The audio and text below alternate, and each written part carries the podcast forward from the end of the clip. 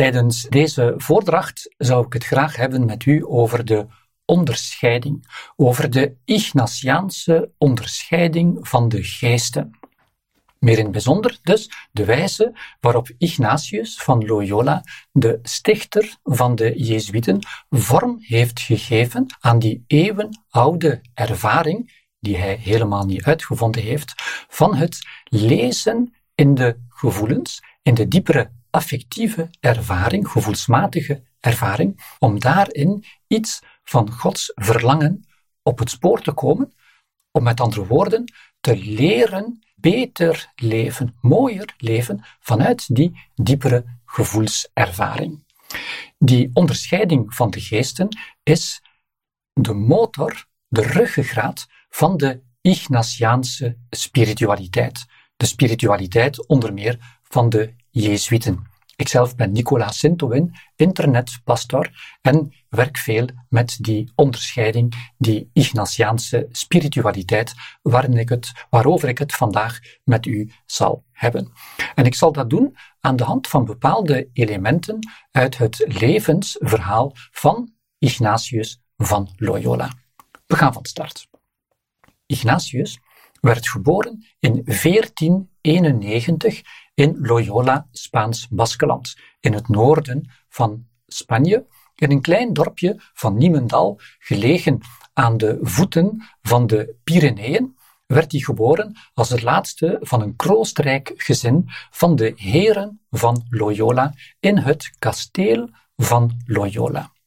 Ik zal dit verhaal doen gebruikmakende van enkele uittreksels uit de autobiografie die Ignatius ons heeft nagelaten, genaamd Het Verhaal van de Pelgrim, waarin hij in de derde persoon, kan soms een beetje vreemd lijken, vertelt over zijn persoonlijke zoektocht en eigenlijk meer in het bijzonder over zijn ontdekking met vallen en opstaan van die onderscheiding en hoe je op een zinvolle manier die onderscheiding kan doen.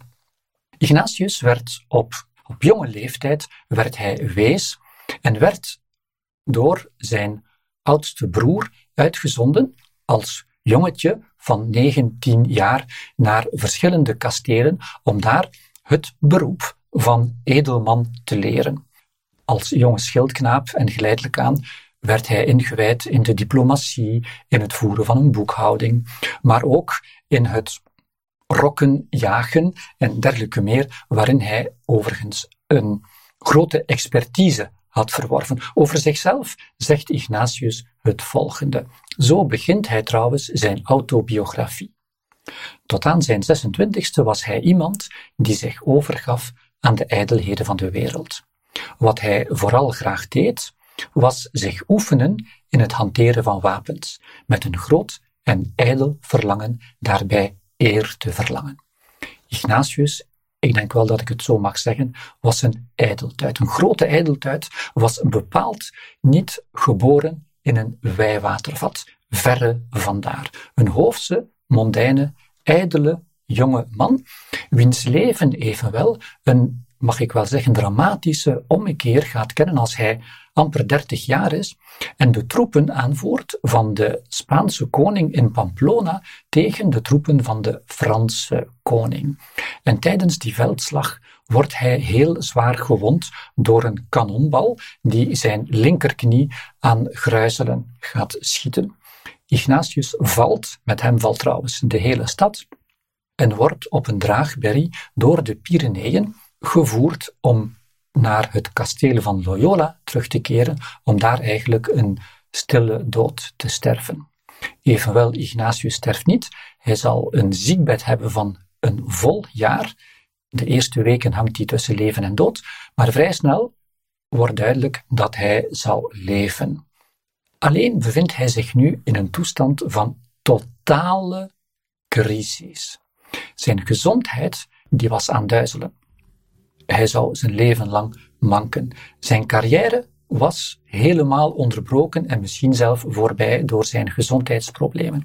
Een gezin had hij niet en geld had hij evenmin. Hij kwam uit een heel bemiddelde familie, maar zoals toen gebruikelijk was in adellijke families, was het volledige vermogen naar de oudste broer gegaan.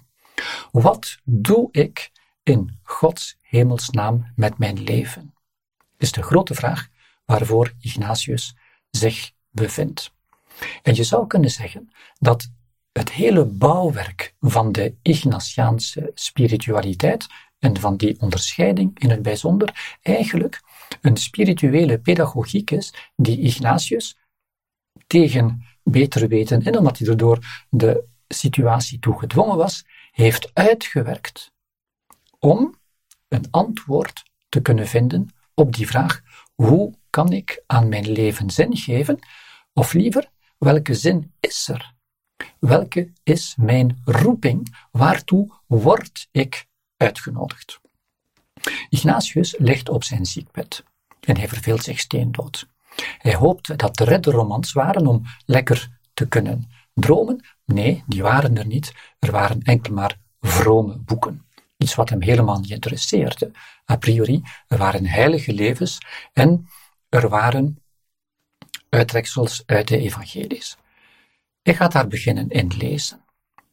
Hier komt de kat op de koord. Ignatius had een uitzonderlijke fantasie, een buitengewoon vermogen om zich te verbeelden en om in verhalen te kruipen. En dat gaat hij ook doen. Hij gaat bijvoorbeeld s morgens een kwartiertje lezen in zo'n heilige leven of in een uittreksel van een evangelie, Petrus en Jezus. En dan gaat hij beginnen fantaseren. Niet om het even goed, nee. Hij gaat als het ware in dat verhaal kruipen, in de huid van Petrus. En dat hele verhaal meeleven, heel concreet, één uur, twee uur aan een stuk, als was het zijn verhaal. Dat doet hij bijvoorbeeld op een morgen. En hij stelt vast, hé, hey, dit doet mij goed. Ik voel mij hier lekker bij. Dit geeft mij kracht, dit geeft mij gedrevenheid. Hij gaat middagmalen, gaat een siesta doen. We zijn in Spanje. En dan komt daar die hele lange middag. En heilige levens, evangelisch, meer dan genoeg. Hij gaat nu terug een beetje dagdromen dat hij zijn oude leven van ridder, edelman, rokkenjager opnieuw zou opnemen. En hetzelfde, hij gaat in die herinneringen kruipen met zijn fantasie en alles heel systematisch opnieuw beleven. En tot zijn verwondering komt hij tot de vaststelling: hé, maar net zoals deze morgen, dit, die beelden, die herinneringen, die verlangens geven mij eigenlijk dezelfde vreugde en kracht, gedrevenheid, enthousiasme als deze morgen. En het is pas na verloop van tijd dat Ignatius, wiens andere karaktertrek is dat hij heel introspectief is en heel goed kan analyseren wat er met hem gebeurt, dat hij gaat merken, hé, hey, er is toch een verschil tussen die ochtend en die namiddag. We laten hem terug aan het woord. Toch was er een verschil. Was hij namelijk met zijn gedachten bij dat van de wereld, dan vond hij daar wel veel behagen in. Maar liet hij tenslotte vermoeid los, dan voelde hij zich dor en ontevreden. Bedacht hij daarentegen hoe het zou zijn om enkel plantaardig voedsel te eten, zoals die heiligen, en om ook al die overige gestrengheden te verrichten, waarvan hij gezien had dat de heiligen die hadden gedaan, dan vond hij niet alleen vreugde, zolang hij daar in gedachten mee bezig was, maar bleef hij ook tevreden en opgewekt nadat hij ze had losgelaten. Bij het ene zijn vorige leven vreugde, maar die eindigt als hij stopt met dagdromen. En die navolging van Jezus geeft hem, hem, Ignatius, blijkbaar een vreugde die blijft nazinderen, ook achteraf. Maar, vervolgt hij, hij, Ignatius, schonk daar geen aandacht aan en kwam er niet toe dieper in te gaan op dat verschil, totdat hem op een keer de ogen een beetje opengingen en hij zich over dat onderscheid begon te verwonderen. Toen begon hij erover na te denken en op grond van zijn ervaringen kwam hij tot het inzicht dat sommige gedachten hem in droefheid achterlieten. Nadien. Andere daarentegen in blijdschap ook nadien. Zo leerde hij beetje bij beetje de verschillende aard kennen van de geesten waardoor hij bewogen werd. De een van de duivel, de ander van God. Met die laatste woorden zijn wij moderne mensen niet zo vertrouwd, die geesten, duivel enzovoort. Maar eigenlijk zou je kunnen zeggen dat Ignatius hier tot zijn fundamentele kerninzicht komt. Als je dichter komt bij God, als je dichter komt bij het ware leven, bij de authentieke liefde waar Jezus voor staat, dan gaat er altijd iets zijn van vreugde. Misschien heel diep, misschien niet zo makkelijk merkbaar, maar gaat er altijd iets zijn van gedrevenheid, enthousiasme. Ja, in die richting moet je gaan. Dat is de werking van de goede geest, onderscheiding van de geesten. En de boze geest, zoals hij hem noemt, de duivel, de vijand van de menselijke natuur, hij geeft daar verschillende namen aan, is diegene die de mens misschien onder het mom van iets leuks, het begint leuk, maar het eindigt slecht. Het laat een bittere nasmaak. Je voelt je leeg, ontevreden, ontgoocheld enzovoort. Teken dat je je verwijderd hebt van de weg naar het leven.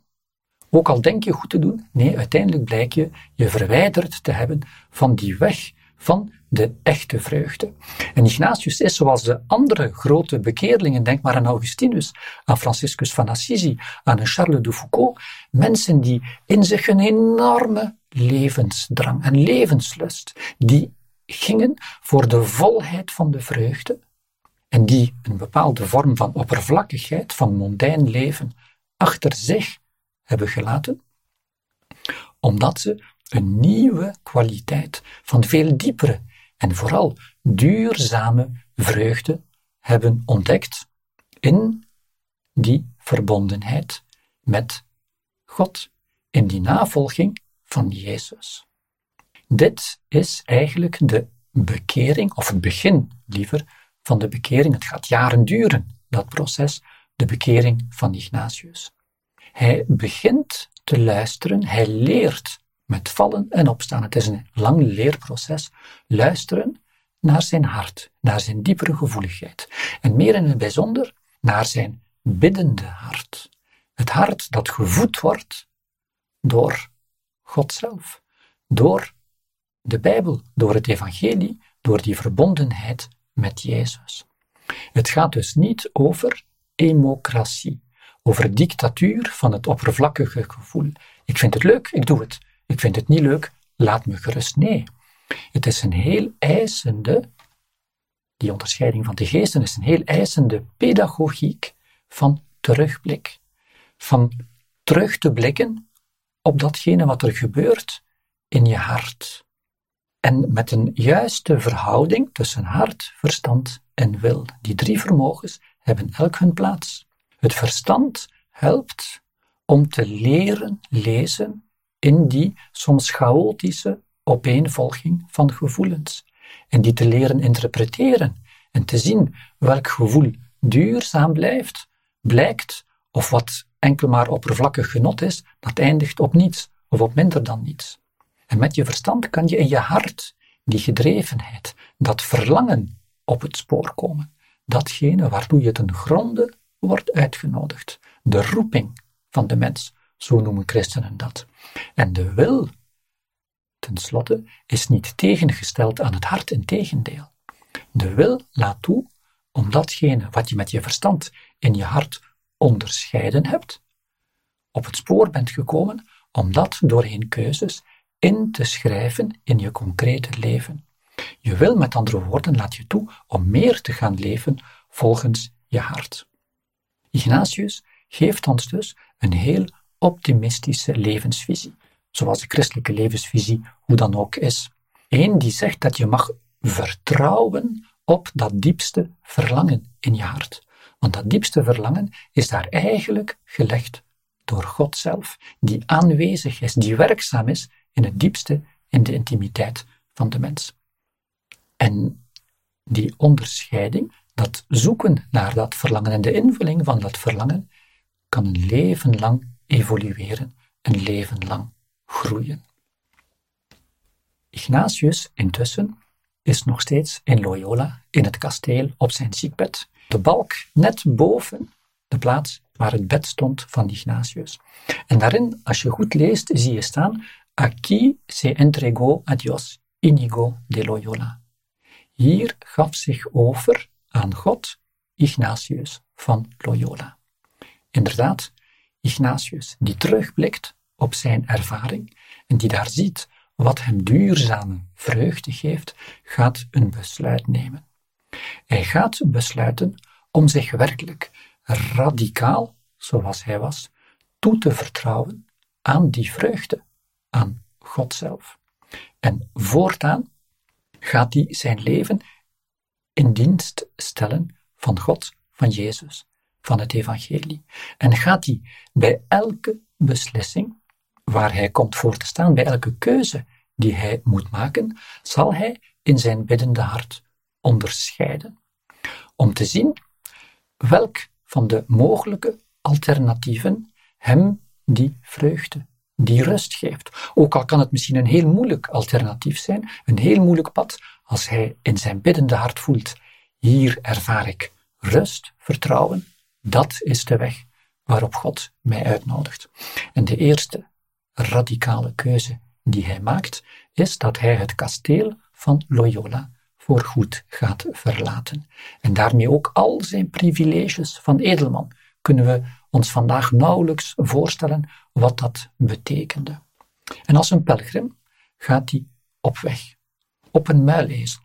Hij gaat zijn mooie, rijke gewaden, zijn kalfsleren laarzen afleggen en met sandalen en een jute zak over het lijf getrokken, op een muilezel gaat hij vertrekken, de wijde wereld in, op zoek, onderscheidend, naar de meer precieze invulling van datgene waar God hem toe uitnodigt. En denk niet dat die invulling zomaar uit de hemel is komen neervallen. Ignatius, jij moet dit, jij moet dat, jij moet die Jezuïeten stichten. Helemaal niet. Ignatius gaat er twintig jaar over doen. Twintig jaar gaat hij stapje per stapje onderscheiden, steeds weer in gebed, voor in elke concrete situatie waarin hij terechtkomt, stapje per stapje gaat hij vooruit gaan. En pas na twintig jaar zal voor hem, met een aantal vrienden die hij dan rond zich verzameld heeft, duidelijk worden dat hij inderdaad wordt uitgenodigd om een nieuwe vorm van religieus leven, de Jezuïeten, te beginnen. Intussen gaat hij verder werken, of begint hij liever aan het schrijven van zijn fameuze geestelijke oefeningen. De geestelijke oefeningen die eigenlijk de ruggengraat zijn van de hele Ignatiaanse spiritualiteit. Geestelijke oefeningen die een gebedstraject zijn, een bijbels gebedstraject dat 30 dagen duurt, 30 dagen fulltime in de stilte, heel sterk gericht op de persoon van Jezus. Het bidden met, het mee optrekken in gebed van, met de persoon van Jezus. Met een hele grote aanpassing aan het traject dat elke persoon, elke biddende persoon gaat afleggen, vertrekkende van het smaken van vreugde. Van die vreugde of droefheid in het bidden met de verschillende teksten, om zo door die afwisseling van vreugde, droefheid, van gedrevenheid, van angst enzovoort op het spoor te komen van dat diepe verlangen. Diepe verlangen dat een antwoord is op de roep van God, de uitnodiging van God zelf. Binnen die oefeningen, komen we terug, is ook de begeleiding van belang. Intussen gaat de tijd verder voor Ignatius en na verloop van tijd wordt voor hem duidelijk dat hoe belangrijk die affectiviteit, die gevoelservaring ook is, hoe belangrijk het gebed, het dagelijkse regelmatige gebed is, ook de intellectuele kant van de zaak is belangrijk. En hij gaat een studietraject beginnen. Meer dan tien jaar gaat hij gaan studeren. Ignatius is intussen 5, 36 jaar oud en hij gaat, de levensverwachting van een man was toen 7, 38. Hij is relatief al een oud mannetje, voor zijn tijd. Toch gaat hij tien jaar studeren. Het hart is belangrijk, ook het verstand is belangrijk. En na aan verschillende Spaanse universiteiten gestudeerd te hebben, gaat hij uiteindelijk in Parijs terechtkomen, wat toen de Sorbonne, die toen doorging voor de beste universiteit van de christenheid. En hij gaat op kamers, op kot. En op die kamer waar hij terechtkomt, wonen reeds twee andere studenten. Een zekere Javier, die we later zullen leren kennen als Franciscus Saverius, en een zekere Pierre, een jonge herdersjongen uit het zuiden van Frankrijk, Pierre Favre. En die drie, Xaverius, Ignatius en Pierre Favre, zullen de eerste kern vormen van datgene wat uiteindelijk de Sociëteit van Jezus zal worden. Enkele jaren later, in 1534, heeft Ignatius zeven mensen rondom zich verzameld, die allen, zoals hij, vastbesloten zijn om hun leven helemaal in dienst van God te plaatsen en die daarvoor, zoals gebruikelijk in de kerk, geloften gaan afleggen. Althans, er is een vorm van navolging van engagement binnen de kerk. Ze gaan geloften afleggen van zuiverheid, maagdelijkheid, seksuele onthouding dus, en gelofte van armoede. Maar de derde gelofte van de religieuze, die van de gehoorzaamheid, die gaan ze niet afleggen. En nogthans zijn de Jezuïten onder meer bekend omwille van hun gelofte van de gehoorzaamheid. Ignatius had niks tegen de gelofte van de gehoorzaamheid, wel in tegendeel. Maar in zijn proces, in zijn dynamiek van onderscheiding, was hij nog niet zo ver gekomen dat hij wist aan wie hij die gehoorzaamheid zou kunnen beloven. Aan een bisschop gingen ze parochiepriester worden, in een bestaande religieuze familie of in iets nieuws. Het was nog niet duidelijk. Die onderscheiding ging gewoon verder. En ik zou nu wat willen focussen, inzoomen op die onderscheiding. Hoe doe je dat? Onderscheiding. En ik zal het doen in twee stukjes. Eerst zal ik iets vertellen over de twee voorafgaande voorwaarden en dan in vier kleine andere stukjes het tweede deel over de eigenlijke onderscheiding. Eerst iets over de voorafgaande voorwaarden. Het is al duidelijk uit hetgeen ik verteld heb, in de onderscheiding wordt heel veel belang gehecht aan de gevoelens, aan datgene wat zich afspeelt in je hart, in je diepste intimiteit. Maar we weten allemaal, gevoelens kunnen bedriegen. Je kan hele vreemde gevoelens hebben waar je helemaal niet gelukkig mee bent. Anders gezegd, het is nodig dat het hart, net zoals het verstand, trouwens, dient gevormd te worden. Het hart dient opgevoed te worden en het hart dient blijvend gevoed te worden. Willen we zo'n gewicht kunnen toekennen aan datgene wat zich afspeelt in het hart? Het hart, met andere woorden, dient geëikt te worden. En voor christenen betekent dat in het bijzonder dat het dient geëikt te worden op de persoon van Jezus. Doorheen gebed, eh, liturgie, vieren, allerlei handelingen enzovoort. Het evangelie. Het evangelie, het leven van Jezus, dat de leerschool is voor het hart bij uitstek. Jezus is diegene die leert wat liefde is, wat leven is. En naarmate ons hart, onze gevoelservaring in verbinding staat met de persoon, het leven, de ervaring, de liefde van Jezus, in diezelfde mate zullen de gevoelens die naar boven komen in dat hart ook betrouwbare richtingwijzers kunnen zijn naar God toe. Het hart eiken, eerste voorafgaande voorwaarde. En dan de tweede ook heel belangrijke voorwaarde. Onderscheiding is geen tovenarij. God is geen deus ex, machinus, ex machina die van bovenuit zomaar zegt, hé hey, jij, ik wil dat jij dit, ik wil dat jij dat, zonder dat wij daar iets hoeven voor te doen.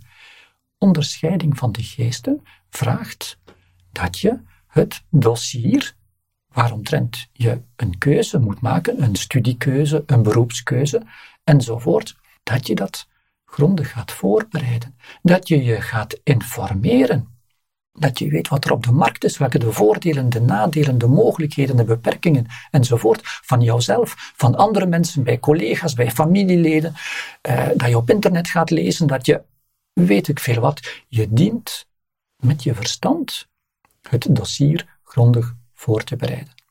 En als je het dossier werkelijk hebt voorbereid, hebt verkend, als je weet, ook met je verstand, waar het over gaat, dan zullen die gevoelens, die uiteraard ook daardoor geïnformeerd worden, des te betrouwbaarder en relevanter worden. Vooraf dus het hart eiken, het hart vormen, voeden op permanente basis. Niet enkel bij het begin, nee, eigenlijk een leven lang. En dan dat informeren, als het gaat over een bijzondere vraag, een bijzonder dossier. En dan komen we aan de onderscheiding zelf, het eigenlijke proces van onderscheiding. En daarbij zou ik vier aspecten kort willen toelichten. Het openlaten van de uitkomst. In het Ignatiaanse jargon noemen we dat de onverschilligheid, de indifferentia.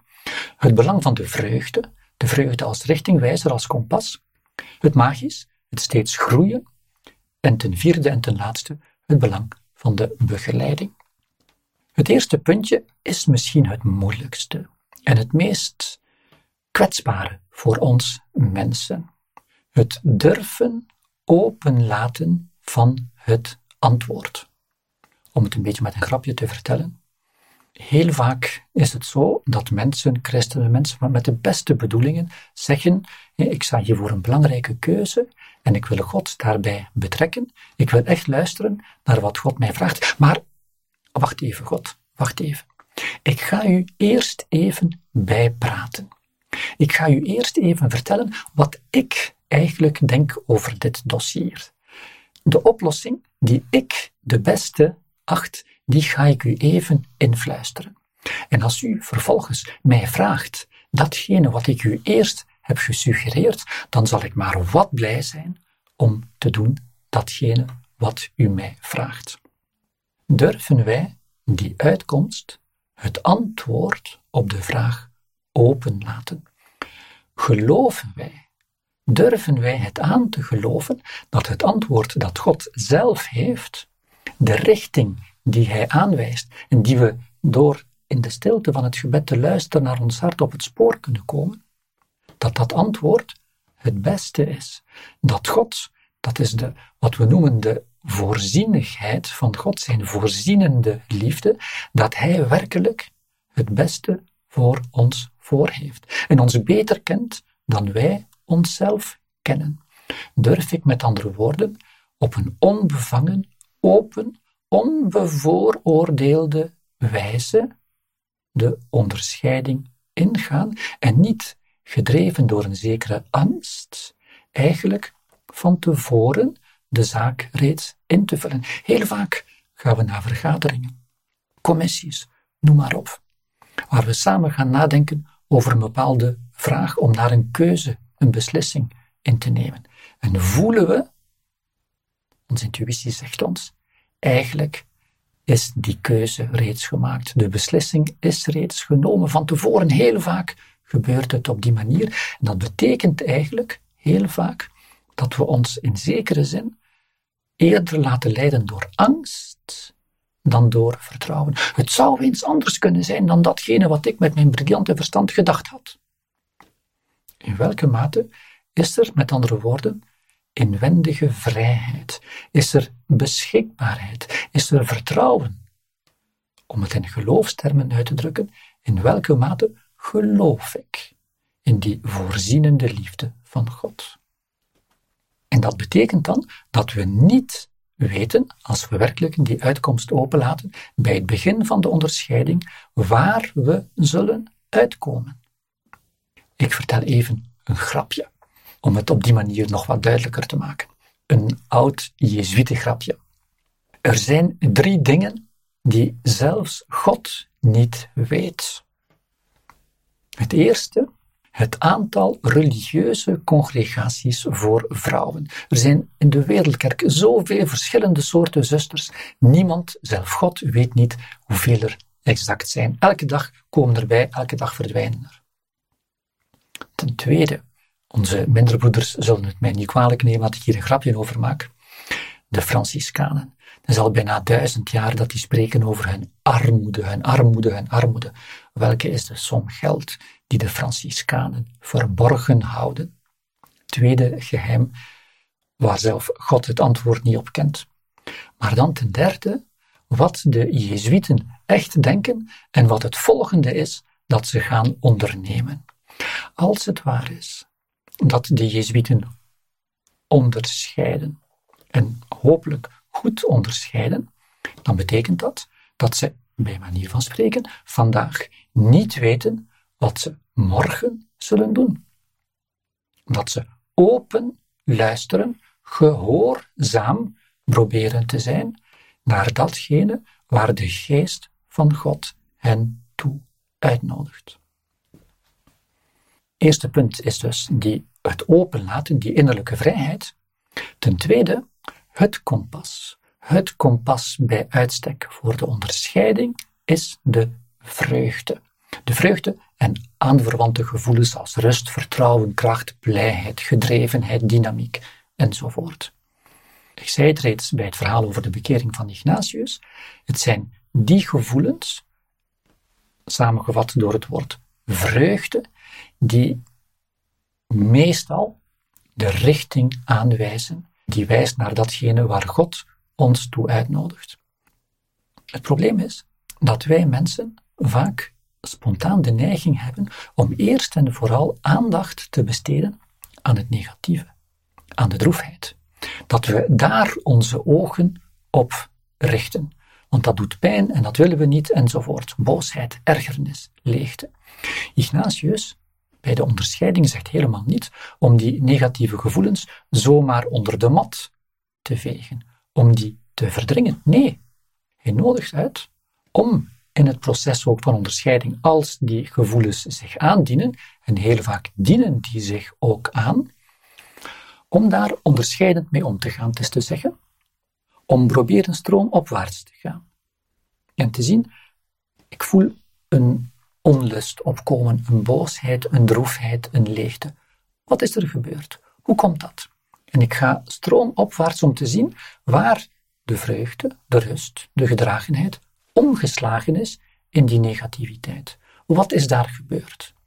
En het inzicht daarin, dat is ook een kwestie van oefenen, van techniek, om zo te analyseren, kan mij helpen om te groeien, om te vermijden in de mate van het mogelijke dat bepaalde ervaringen mij in die negativiteit storten. Aan de slag gaan met die negatieve gevoelens en proberen terug zo snel als mogelijk aansluiting te vinden bij die positieve gevoelens. Want daar, die wijzen de richting aan. Het probleem, ik zei het reeds, is onze aantrekkingskracht naar die negativiteit toe. En die aantrekkingskracht kan zo groot zijn dat gevoelens als verdriet, haat, boosheid, jaloersheid, dat we daar eigenlijk verslaafd aan worden. Dat die centraal komen te staan. En dat we nog denken ook van daar goed mee te doen. Ik ben verdrietig, ik ben in de rouw en ik ga heel verdrietig zijn. Voor mij geen vreugde meer, geen blijheid meer. Nee, mijn taak is het van boos te zijn. Van nee, nee. Het leven waartoe wij uitgenodigd zijn, is er een van vreugde. Een tweet die Paus Franciscus, zelf Jezuïet en specialist in de onderscheiding van de geesten, een tweet van hem in 2017 zegt het volgende. In het hart van de christen is er altijd vreugde. Altijd. Vreugde die onthaald wordt enzovoort. Vreugde. Paus Franciscus zegt hier niet, dat is althans mijn interpretatie van, zeg jij christen, je weet toch wel dat je altijd vreugdevol moet zijn. En nu zeg jij mij dat jij droef bent, dat jij boos bent. Foei. Ben je niet beschaamd? Jij die je christen noemt of denkt christen te zijn. Nee, dat zou een verkeerde interpretatie zijn van deze tweet. Het is een veel mooiere boodschap. Oké, het gaat me niet goed, ik ben droef, ik ben slecht opgestaan of ik heb een heel moeilijke ervaring meegehad, meegemaakt. In het hart van de christen is er altijd vreugde. Eigenlijk zegt Franciscus hiermee, oké, je gaat doorheen een moeilijke periode, maar vergeet niet, vergeet niet, God blijft trouw en blijft op jou betrokken, blijft aanwezig diep in je hart. Het is mogelijk. Je kan leren om doorheen die droefheid naar een diepere laag door te dringen. Om daar terug iets van die rust, van die gedragenheid, van dat vertrouwen te vinden. Want die zijn er ook als je het moeilijk hebt. Stel je bent, je bent een ouder en je hebt puberkinderen. En die puberkinderen die gedragen zich onmogelijk. En die haal je het bloed van onder de nagels. Je bent er kapot uitgeput, hopeloos van. En toch kan het zijn dat je dan, bijvoorbeeld omdat je vertrouwd bent met die onderscheiding, toch in contact kan blijven met een diepere rust. En dat je weet, oké, het is heel moeilijk, het is echt niet leuk en dat is een eufemisme. Maar ik weet dat ik goed bezig ben. Het is niet makkelijk, maar ik bied weerstand aan die pubers. Ik probeer dit en probeer dat. Ik ben ze aan het opvoeden en dit gaat overgaan. Aan de bovenkant heel moeilijk en tegelijkertijd op een dieper niveau toch contact met een bepaalde rust, een bepaald vertrouwen. Jeroen Nadal was de persoonlijke secretaris van Ignatius. En die beschrijft als volgt in één enkele zin de wijze waarop Ignatius onderscheidde. Het is een beetje een samenvatting van wat ik tot nog toe gezegd heb. Ignatius volgde de geest zonder hem voorbij te steken. Zo werd hij zachtjes geleid naar het onbekende. En langzaamaan opende zich voor hem de weg die hij, wijselijk onwetend, ging, zijn hart eenvoudig gericht op Christus. Ik heb al twee van de vier aspecten behandeld. Uitkomst openlaten, het belang van de vreugde, en dan het magisch. Magisch, nee, ik heb hier geen ch vergeten, het gaat niet over tovenarij. Magisch is een Latijns woordje dat heel vaak voorkomt in de geschriften van Ignatius. En dat betekent meer, verder, zeer. Onderscheiding is een proces, een dynamiek die steeds kan verfijnen, die steeds verder gaat, die steeds evolueert. Als je doorheen de onderscheiding werkelijk op die bron, bij die bron terechtkomt, op dat verlangen in jou, dat diepste verlangen, dat in zekere zin een goddelijk verlangen is, dat een eindeloos verlangen is, dan komt er een bron van energie vrij, kan er een gedrevenheid komen die, ja, die iets oneindigs heeft. Je hebt mensen die een hele leven niet te moeilijk, niet te ingewikkeld, laat mij gerust. Voor mij niet te veel, liefst in de zetel met een zak chips, benen uh, op de bank en weet ik veel. Maar je hebt ook mensen, zoals die twee jongens, waren leerlingen uh, van mij, van een aantal jaren geleden, die die oude dame als vrijwilligers gezelschap gingen houden. Maar eigenlijk merkten ze heel snel dat het het omgekeerde was. Die dame, die hoogbejaarde dame, was zo enthousiast, zo dynamisch, dat zij die jongens entertainde en niet omgekeerd. Je hebt mensen die een hele leven lang die gedrevenheid. Wel, dat is hetgene eigenlijk waar God ons toe uitnodigt. En datgene, elk op zijn manier. Bij de ene wat opzichtiger, bij de andere, bij de meeste, heel eenvoudig, heel bescheiden, op dat diepere verlangen uitkomen en dan kan je leven lang groeien. Een vriend van mij vertelde dat zijn vader overleden was.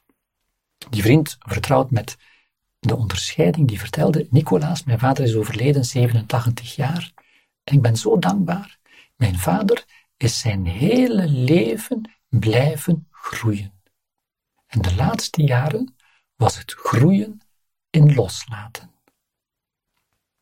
Die groei betekent niet dat het altijd van een leien dakje loopt en dat het altijd makkelijk gaat. Wie werkelijk zijn leven wil meten, wil enten, wil laten bevragen door het evangelie, door de persoon van Jezus, die wordt er gegarandeerd mee geconfronteerd dat er allerlei onvrijheden zijn, allerlei weerstand in je diepste zelf.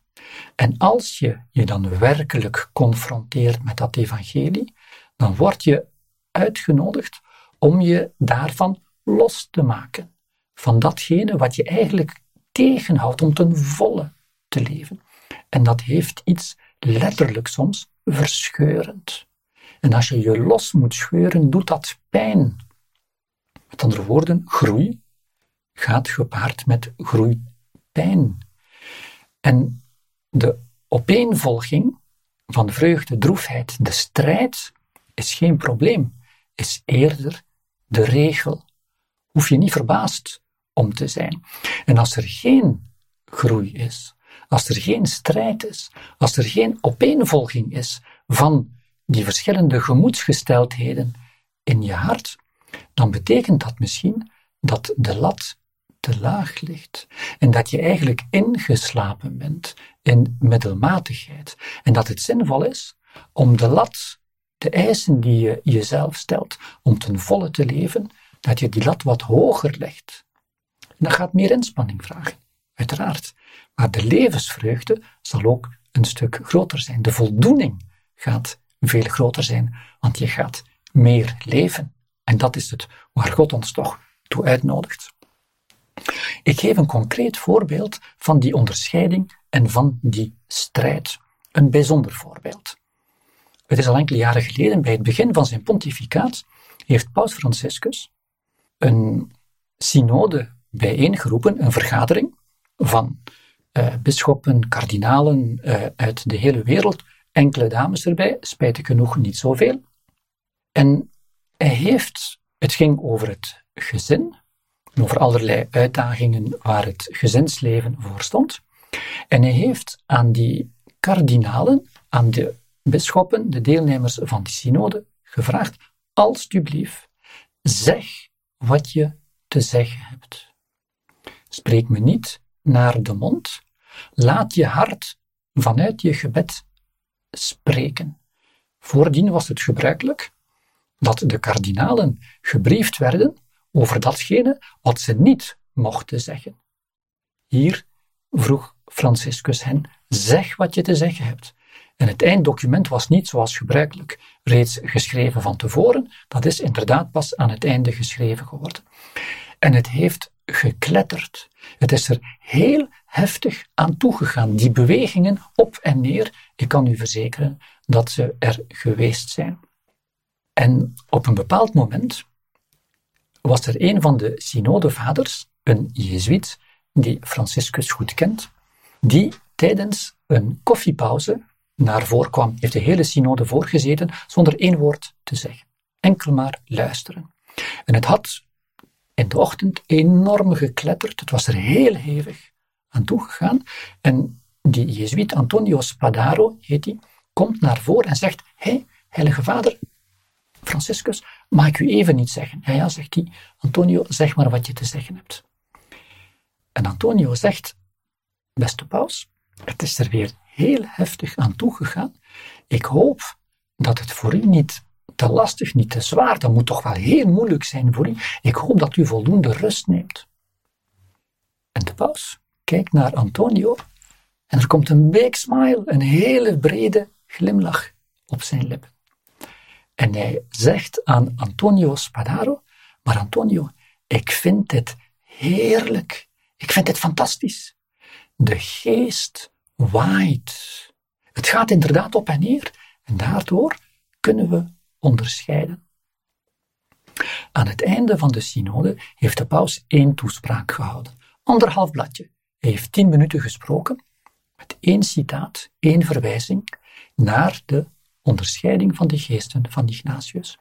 Ik lees u een klein stukje voor uit het einde van die toespraak van de paus. Is dus Paus Franciscus die spreekt. Persoonlijk zou ik ten zeerste bezorgd en droef geweest zijn, waren die bekoringen en geanimeerde discussies, dat betekent eigenlijk ruzies, waren die er niet geweest. De bewegingen van de geest, het op en neer gaan, zoals de heilige Ignatius van Loyola ze noemt. Geestelijke oefeningen nummer 8. waren allen het eens geweest, of stilzwijgend in een onechte en quietistische vrede. In de plaats daarvan heb ik met vreugde en erkentelijkheid de toespraken en de tussenkomsten gezien en gehoord, de oprechtheid, de moed en de paresia. En dat is een woord dat Paus Franciscus heel vaak gebruikt, paresia, de vrijmoedigheid. Magisch, groei met de bewegingen, en soms de hele heftige bewegingen, die daarmee gepaard kunnen gaan. En tot slot het vierde, of een vierde puntje van de onderscheiding van de geesten, begeleiding. Het is een zegen als je die begeleiding, en zeker als het gaat over onderscheiding in belangrijke dossiers, als je daarover met een vertrouwenspersoon kunt praten. Geestelijke begeleiding dat. En niet zozeer opdat die geestelijke begeleider of begeleidster allerlei ideeën zou aanreiken, allerlei inhoud. Nee, omdat in het gesprek tussen twee mensen een ruimte ontstaat waarbinnen veel beter kan nagedacht en kan onderscheiden worden. Het gaat dus niet zozeer over leiding, waarin de geestelijke leider zou zeggen wat je moet doen, hoe je en wat de onderscheiding is. Nee, die begeleider gaat met jou mee, als begeleider aan de zijkant, opdat jij zou kunnen begeleiden. En tenslotte, die begeleiding is zo belangrijk, omdat ze helpt, omdat de begeleider iets van de ervaring van de kerk, van de ruimere gemeenschap, kan inbrengen in die zoektocht, in die onderscheiding. Mensen onderscheiden al duizenden jaren. En er is heel veel know-how, heel veel inzicht, heel veel belangrijke ideeën ontwikkeld. En de begeleider kan af en toe spiegelen en bepaalde van die inzichten aanreiken om de persoon die die onderscheiding doet te helpen om scherper te kunnen horen, te kunnen voelen datgene wat er gebeurt in zijn hart en wat dat betekent. Vier aspecten van de onderscheiding van de geesten. En we gaan verder met het verhaal van Ignatius. Intussen zijn we twintig jaar verder. Twintig jaar na de kanonbal in Pamplona en de verwonding aan het begin van de bekering van Ignatius. Hij heeft nu tien man rond zich verzameld, die alle tien Jezus willen navolgen, op een heel bijzondere manier, als religieuzen, kan uiteraard ook op andere manieren, gelukkig maar. En met z'n allen gaan ze naar de paus. Want nu zijn ze klaar voor de stichting van de Sociëteit van Jezus. En ze bieden zich aan. Wij staan ter uw dienst. Wij willen onder uw leiding de kerk dienen Zend ons maar naar die plaatsen, die activiteiten, die mensen waar we werkelijk kunnen dienen. De stichting van de Sociëteit van Jezus na twintig jaar van onderscheiden. dus onderscheiding die niet zomaar uit de hemel komt vallen, maar die soms een heel lang proces is om helderder te krijgen datgene waartoe God mij of ons Onderscheiding kan ook gemeenschappelijk in een groep gebeuren, datgene waartoe God ons uitnodigt om die volheid van leven, van geluk, van blijheid, ten volle te kunnen smaken. Ik eindig het verhaal van Ignatius met zijn dood. Ja, op, 56, op 65-jarige leeftijd sterft Ignatius nadat hij 15 jaar leiding gegeven heeft aan die snel groeiende sociëteit van Jezus. En Ignatius laat ons achter met wat ik zou noemen een heel wereldse spiritualiteit. Zijn geestelijke oefeningen, waar ik het in het begin over had, die, dat gebedstraject, eindigt met een gebed waarin hij uitnodigt om voortaan God in alles lief te hebben en te dienen. Inderdaad, die vreugde die gedrevenheid, die verbondenheid, die kan je echt niet enkel ervaren in de kerk tijdens het bidden, hoe goed, hoe belangrijk ook, maar ook tijdens je gewone beroepsleven, in je gezinsleven, in je hobby's, bij het wandelen, bij het schilderen, bij noem maar op, bij het uh, schillen van de aardappelen. In alle menselijke ervaringen, die waardevolle ervaringen zijn, die mooie ervaringen zijn, kan je God liefhebben en dienen. Het hele mensenleven, in al zijn aspecten, kan een plaats zijn, kan een gelegenheid zijn om God te ontmoeten en om te groeien in dat leven. Want daar gaat het over. De grote uitdaging is dus die van de onderscheiding. Van het leren luisteren naar wat er gebeurt in je hart. En je daarin te oefenen, want het is maar de oefening die kunst waard. Ik geef nog één tip mee over hoe je je daar kunt in oefenen. En de terugblik, ook genoemd het levensgebed, is daar de, het instrument bij uitstek voor. Enkele minuutjes aan het einde van de dag. Terugblikken, als het kan, al biddend, op de voorbije dag, op de voorbije ervaringen. Terugblikken, gaan kijken naar je hart. En het belangrijkste is uiteraard het danken. Waar heb ik vreugde ervaren? Waar ben ik, heb ik iets van openheid? Misschien dat bloemetje dat ik gezien heb, of dat kind, of dat goede gesprek, of die vergadering die, waar iets gebeurde, of dat gesprek aan tafel daarnet uh, met de kinderen. Wat heeft mij tot leven gebracht? Dat is het belangrijkste. Dat is het belangrijkste. Eerst daarnaar kijken en niet toegeven aan die spontane reflex die we vaak hebben om meteen naar het negatieve. Nee, eerst datgene wat je vreugde heeft gegeven en wat je mogelijk tot dankbaarheid heeft gestemd. En pas dan, als er nog tijd over is, kijken naar het negatieve. Sorry. Waar was er boosheid, waar was er droefheid, waar is er iets verkeerd gelopen? Misschien kan ik daar ook iets uit leren. Misschien verlang ik om vergeving te vragen. Dank, sorry. En als er nog tijd over is, alsjeblieft, wat leer ik hieruit? Uit die vreugde, uit die droefheid. En wat vraag ik misschien aan God? Of wat bied ik Hem aan? Niet zomaar als een Sinterklaas uh, briefje, maar vertrekkende van mijn concrete ervaring. Van die vreugde, van die droefheid. Hoe kan ik nu verder? Welk aandachtspunt? Of wat vraag ik? Wat geef ik aan God? En wat vraag ik Hem misschien voor de dag van morgen? Paus Franciscus zegt van dit levensgebed dat het zo makkelijk is dat hij zelf doet als hij bij de tandarts is. Als hij in de tandartsstoel met de mond open ligt en helemaal niks anders kan doen, gewoon wat terugblikken. En zo biddend verbonden zijn met God door terug te kijken op je heel eenvoudige ervaring. Het vijfde evangelie. Het verhaal van God met jou in je dagdagelijkse, heel gewone leven zoals het is. Dat waren enkele aspecten die ik uh, wilde meegeven over die onderscheiding van de geesten. Tot slot, hoe kan je je oefenen daarin? Hoe kan je zelf thuis die Ignatiaanse spiritualiteit in het algemeen, die onderscheiding van de geesten verdiepen? Wel, ik heb enkele tips voor u. Er zijn websites.